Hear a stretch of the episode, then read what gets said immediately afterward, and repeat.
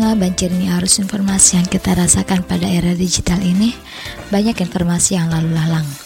Bak mempunyai dua sisi mata pedang. Satu sisi itu membuat kita lebih mudah untuk mencari informasi, namun di sisi lain, kita kesulitan untuk mencari kevalidan atau kebenaran suatu informasi. Salah satu hal yang menjadi keresahan masyarakat saat ini adalah sulitnya mencari kebenaran dari suatu informasi tentang nilai, kandungan, dan ajaran suatu agama. Islam sebagai agama mayoritas di negeri ini, mau tidak mau, harusnya menjadi salah satu tongkat penegak dalam kehidupan, baik secara individual maupun sosial bermasyarakat. Salah satu cara pemeluk Islam menjaga keberlanjutan dari nilai ajarannya adalah lewat kajian rutin dengan telah dalil-dalil penting yang digunakan sebagai rujuk.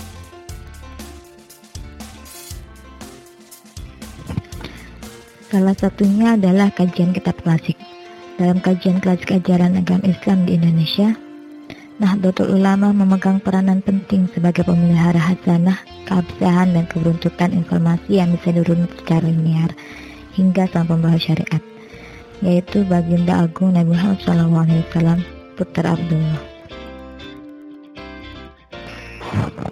Dalam hal ini, Nyai Haji Rodokus merupakan salah satu pegiat perempuan dalam kajian klasik kitab kuning. Beliau merupakan salah satu jajaran masyaih di Pondok Pesantren Salafiyah Syafi'iyah Nurul Huda Mergoswana Malang yang merupakan rintisan dari almarhum Kiai Haji Ahmad Nasruki Mahfuz wa Isyuriyah PBNU tahun 1985 sampai 2007. Beliau juga merupakan salah satu putri dari Kiai budayawan, dan tokoh nasional yaitu Kiai Haji Mustafa Misri atau lebih akrab dipanggil Gus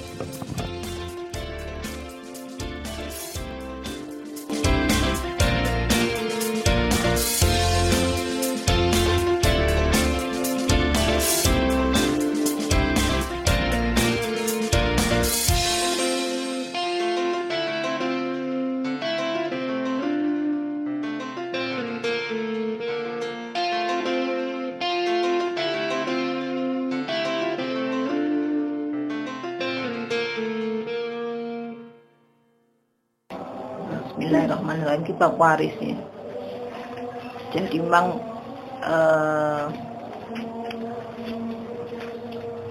jenenge dunya Mbak. Biasanya sing diwarisno iku ya dunya ya. Omah bondo lan sapi turute. Jadi tidak banyak yang mewariskan sesuatu yang yang apa ganjarane iso terus menerus itu nggak banyak.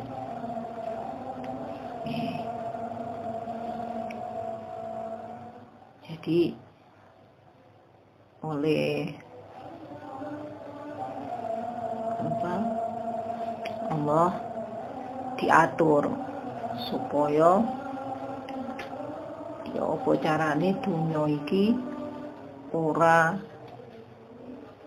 garai tidak membuat apa geger. Apa apa jenenge? Pertengkaran. Sebab masalahnya kalau namanya warisan ya otomatis uh, keluarga inti terlebih dahulu yang akan mendapatkan bagian. Lagi nek nek para padu bertengkar nah itu iso. Jadi gawe ditinggal wafat kepala keluarga ini malah masalahnya malah numpuk ya. Jadi memang yang yang ada macam-macam apa uh, macam-macam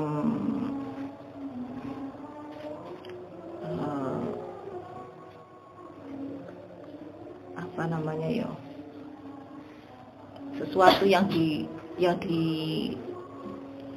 apa namanya yang diinginkan oleh orang tua itu macam-macam kan ada yang sing penting aku golek rezeki nyukupi anak bojo nek, per, nek perlu duwe investasi ning dindi gitu ya duwe celengan ning dindi engko nek aku wis tuwa aku gawe satu warisan atau me, me, berkonsultasi dengan yai atau ustadz yang tahu mengenai hal ini kita bagi-bagi. Guys seperti itu.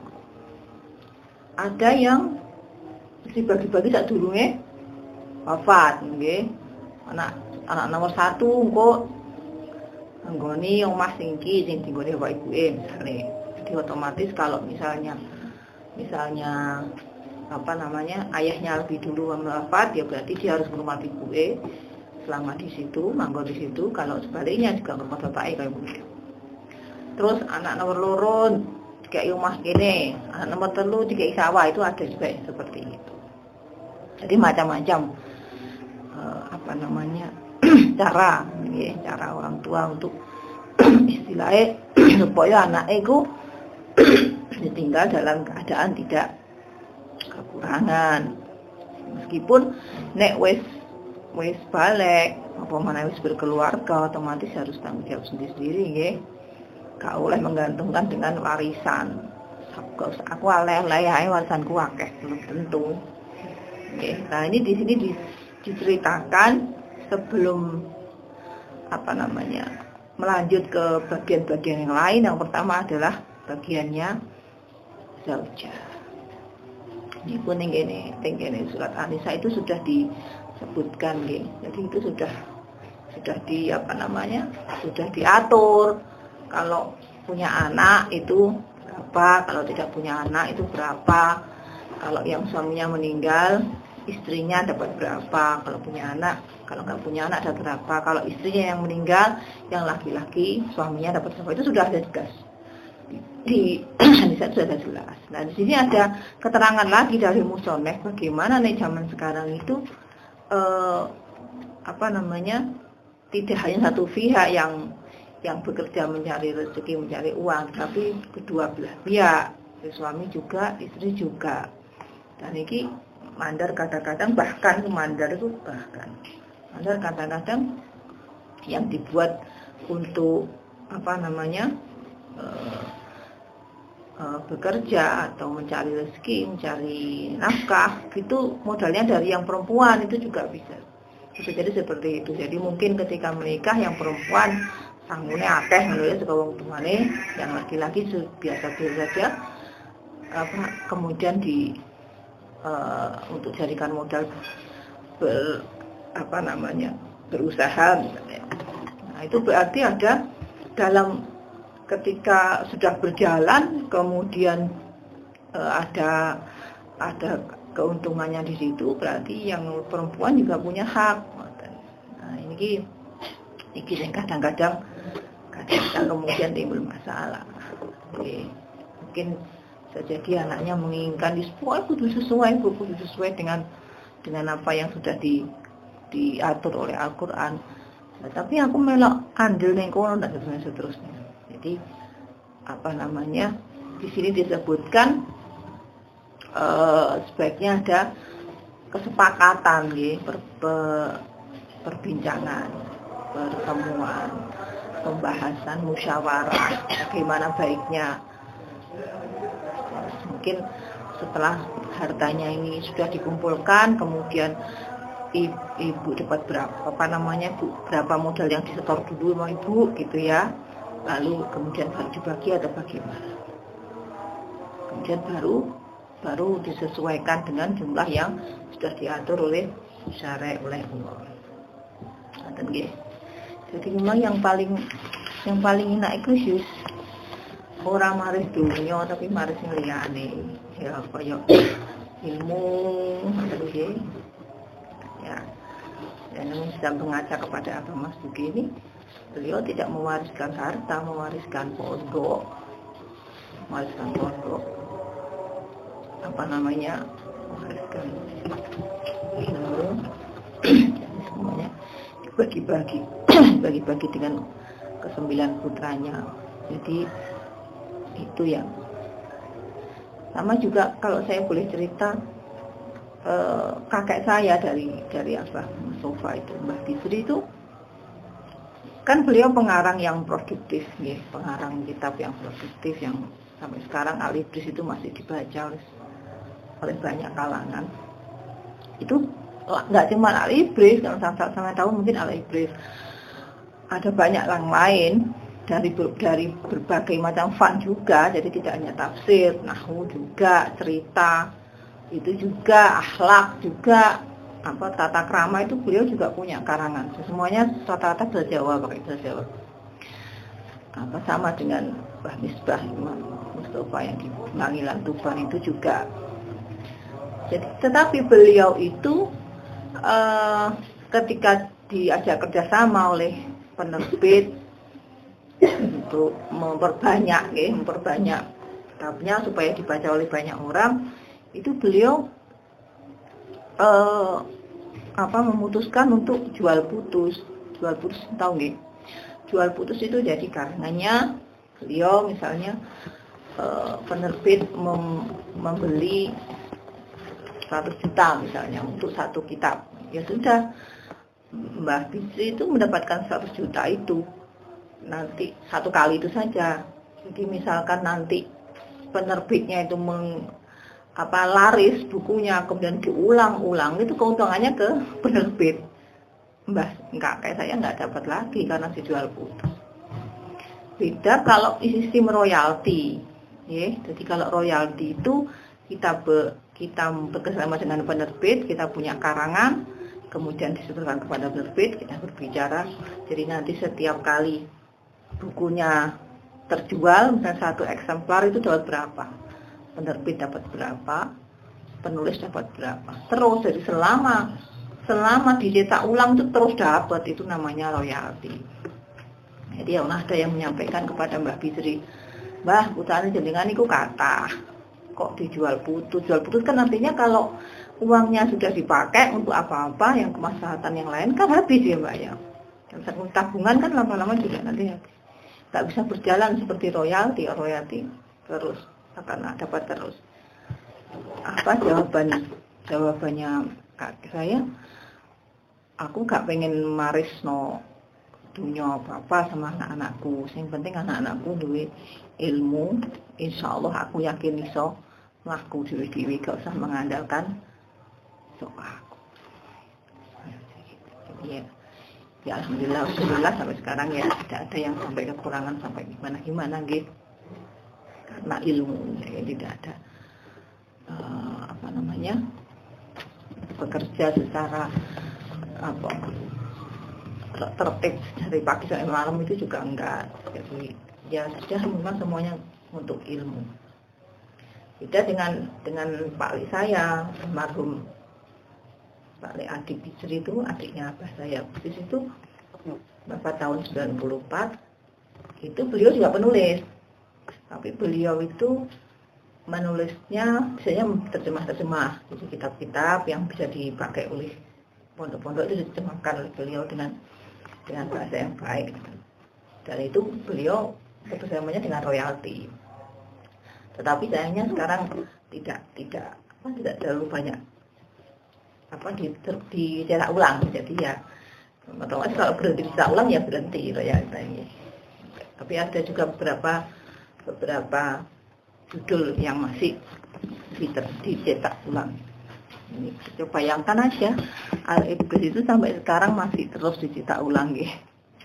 Bah, kakek saya itu wafat tahun 77. Wafat tahun 77. Berarti sudah 30. Berapa wafatnya? 33. 33 tahun yang lalu beliau wafat. Bayangkan kalau pakai sistem royalti jadi itu karena bedanya dengan apa uh, ulama yang mengarang bedanya dengan penulis biasa yang yang apa namanya ber, apa namanya hanya pengen untuk mencari keuntungan misalnya gitu tidak untuk membagikan ilmu itu bedanya seperti itu. Jadi memang tapi ya kita nggak bisa kemudian menggebiah utah, menggebiah utah, menggebiah utah sampai menggebiah uya, jadi menyamaratakan, menggebiah uya itu menyamaratakan tadi. Wis pokoknya kudu nek ngerti hukum warisan lu kudu kudu dipraktekno ngono ya. Kudu bagi-bagi sesuai lah nek ya nek orang dibagi nek kalau dibagi. Ngono lah ya. Nek orang dibagi yo nek kalau dibagi. Jadi uh, yang paling ideal ya memang ada kesepakatan dulu antara suami dan istri ini bagaimana nanti bagian-bagian seperti yang kemarin saya sampaikan contoh kecil ketika ketika apa saya menemukan dalam tanda kutip harta simpenannya ibu gitu langsung dibagi-bagi supaya ya itu supaya tidak kemudian dikumpul-kumpulkan terus jadi jadi apa namanya samar. Ini punyanya siapa ini punya siapa. Kalau sudah jelas ini ini sebenarnya ibu itu ya dibagi-bagi aja daripada kok dipakai apa yang lain yang belum tentu ibu juga. Nih caranya piye ibu wis wafat di ditakoni di sini ya kan ada ada ada kakak saya yang menyarankan anu amontah teman bacaan ibu teman selamatan. 40 hari apa berapa enggak. Apa nggak langsung bilang karena ya, tinggalan itu berarti ya ya tinggalan. Artinya apa namanya ada hak-hak orang-orang yang yang ada kaitannya dengan si mayat itu dapat gitu. Kalau kita kalau kita me, menasarufkan untuk yang lain belum tentu ya, itu yang dikehendaki kan gitu jangan-jangan di apa terus yang pengen itu dibagi-bagi jadi namanya dibagi-bagi. Toh nanti misalkan setelah dibagi-bagi terus anak-anaknya apa saling turunan lagi dan seterusnya itu beda lagi masalah yang jadi yang saat ini pun nggak pernah membicarakan masalah itu. Ya paling karena memang nggak ada. Sehingga di Bali ya omah ya omah iku itu ya rumah yang di tempat ya saya itu ya wakapan wakapan kalau wakaf kan nggak boleh. Jual boleh dijual. Pakai pakai terus ya sampai yang sampai yang di situ yang pakai. Jadi yang paling yang paling sip itu memang warisan ilmu sebab nek dunya katanya Mbah Mun. Dunya itu apa wae sing dadi rebutan iku mesti lho dunya kok ada misalkan Alhamdulillah ada pesantren yang dibuat rebutan misalnya sama masing-masing. Kuek kuek kuek kuek ya itu berarti itu jadi kalau kita apa namanya di ditinggali pesantren misalnya ditinggali murid misalnya sampean misalnya saat kembali ke masyarakat ditinggal orang tua terus moro santri ini nah, itu berarti kan tinggalan gitu pada sampean. Itu otomatis kudu itu dirumati ngono. Dirumati dan itu yang paling baik daripada pondok ya, sebetulnya kan akeh mbak banyak sekali cerita-cerita yang yang merasa yang perempuan merasa merawat orang tuanya sampai orang mikir awak dewi misalnya tapi karena dia perempuan dia lebih sedikit daripada saudara laki-lakinya. Nah, dan itu jadi masalah lagi masalah lagi ya semoga-moga saja uh, apa pun yang terjadi dengan kita dengan orang tua kita semuanya tetap pada jalurnya Allah Subhanahu taala. Memang kemarin itu ada apa kemarin beberapa bulan yang lalu nih udah agak lama itu ada nopo. Oh syarifah syarifah misalnya orang Arab. Anak tiga orang. Jadi apa namanya pak ayahnya meninggal. Ayahnya baru saja meninggal kemudian meninggalkan beberapa harta. Dengan harta kemudian ada pamannya atau apanya yang yang seperti menanyakan ini aku bagianku biar begini bagian apa bagianku apa ibu bagian apa? Terus datang ke sini. Saya ikut disuruh nungguin mau tiga itu tetap perempuan semua aja saya disuruh nungguin. Melak nemoni mah kamu dengar kamu dengar melak nemuin jadi tanya macam-macam jadi jadi ini bagaimana? Macam-macam ada katanya ada yang apa klinik kan dokter apa, apa namanya ayahnya dokter klinik kemudian ada barang-barang yang di dalam itu kemudian rumahnya kemudian mobil mobilnya atas nama siapa wis pokoknya bulat ada aku semikir dalam ambek Gusten yang buka perlu dibuka buka untuk mencocokkan katanya begini gue apakah betul apakah betul? Sampai lama sampai malam ini ini masalah masalah apa namanya? Memang yang paling agak rumit itu memang masalah ini warisan atau faroed yang faroed itu biasanya yang paling ngeluh nih pas kan pelajaran faroed nih gini kalau biar uang-uang uang kuno itu gak bisa muni faroed ini prael di prael. Warisannya mesti prael apa durung? Maksudnya di faroed faroed di dibagi-bagi sesuai dengan per sepernya ini delapan seperenam ya seperempat. Ya, setengah mana gampang ya seperempat. Terus sudut sumun ya seperempat seperdelapan. Duwe duwe wungkul ngono ya satu miliar ngono wis dadi seperdelapan gampang. Duwe ono sing receh ono sing persene piye nggih ayo lanjut ayin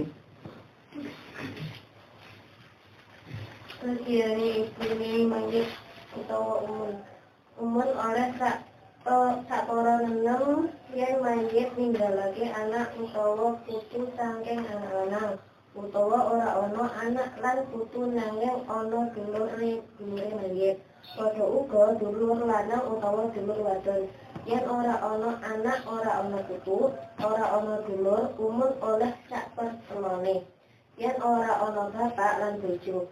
Yen ana bapak lan bojo umur oleh sulusen bab sulusen babi. Tegese sak pertelone sisone sisone tinggalane sak wuse dijupuk bagiane bojo. Terus satu lagi. Bagiane jidah utawa embah wadane mayit Jadah ora bisa oleh bagian yen ana umun. Yen ora ana umun bisa oleh bagian sak nenem. Iya. Jadi ini ini di apa dibahas masalah warisan dari pihak perempuan gitu karena ini masa Indonesia.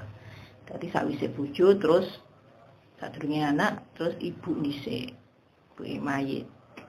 Jadi itu ibu juga dapat kalau anaknya meninggal ibu dapat tapi ya iku mau ono sarate ono ono apa? Duwe anak pora anak iku mau. Duwe putu pora hmm, ya. Kok beda meneh. Bapake saya ono apa ora? Jadi panjen kudu di nek panjen memang si mayit itu apa namanya nyewa siat misalnya ya. Nanti kalau saya meninggal apa tolong dibagi-bagi sesuai hukum waris misalnya. Nah, itu panjang kudu kudu di, di, di di apa ditelaah bener-bener kudu, kudu dipelajari bener-bener biar nggak ada yang keliru. Okay. Lalu itu di di apa namanya di uh, kerabat saya di Lembang itu ada yang putranya pilot kemudian wafat kecelakaan satu pesawatnya jatuh. Itu apa namanya hartanya orang tuanya tidak tidak ini tidak tidak mem, tidak maksudnya lah tidak mau ikut campur masalah hartanya apa yang ditinggalkan suaminya oleh anaknya itu. Tapi anu oleh istrinya istri si mayat ini apa apa itu jadinya ya apa? Hmm, tanda juga kita itu apa jenis kok salah jangan itu loh hmm, apa? Bukan asuransi bukan. Apa kira pokoknya tanda duka cita lah. Nah itu apa dapat berapa puluh juta waktu tahun lah kebuan terus dikasihkan untuk orang tuanya buat orang tuanya saja semuanya. Jadi saya bujulin untuk untuk apa namanya untuk hartanya itu yang yang dari pihak jasa raja dan dari dari Garuda setelah pilot Garuda itu me, semuanya dikasihkan tuanya bisa naik haji Nah, zaman dulu kan naik haji so langsung daftar ke atas waiting list ya. Makanya yang kembang. Jadi ya langsung haji jadi. Jadi orang bilang, oh paten anaknya langsung aja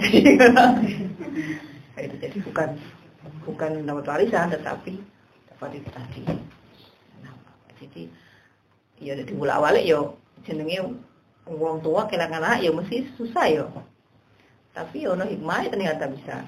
Nah, beliau beliau putranya itu kalau nggak salah 12 12 itu yang pilot itu nomor berapa ya? 12 banyak dan sampai anaknya besar-besar itu belum haji gitu. Padahal sudah sudah menjadi tokoh di di di kampung situ. Jadi ya hikmahnya seperti itulah. Ya ada ada senengnya ono. Ono susah ya ono. Senengnya anaknya anaknya kalau ono kan juga sembalik meneh sama dipanggil kan enggak sembalik Pak so diparingi si foto kan bagiannya jedah jedah jedah jedah kena jadah kena itu apa namanya nenek nih apa namanya gitu kayaknya namanya jedah itu ya nenek kota jedah itu jadi ada bagian-bagian tertentu yang memang harus disepakati mau nggak mau nggak ada proses kadung juga seperti kok repot nah itu kita ada seratnya ada anaknya apa enggak ada saudaranya apa enggak bapaknya masih ada apa enggak dan seterusnya dan seterusnya jadi gak bisa wis pokoknya itu dibagi dibagi jadi bagiannya ini pokoknya nggak bisa harus sesuai dengan aturan yang tetapkan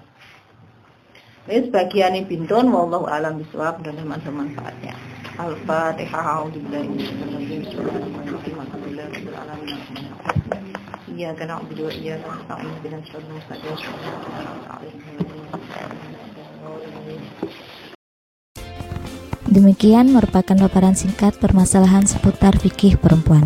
Semoga sedikit banyaknya dapat bermanfaat bagi para pendengar sekalian. Sebagai informasi tambahan, bagi para pendengar yang ingin menanyakan seputar permasalahan keislaman klasik maupun kontemporer, dapat mengirimkan pertanyaan melalui email nunmedianuha@gmail.com.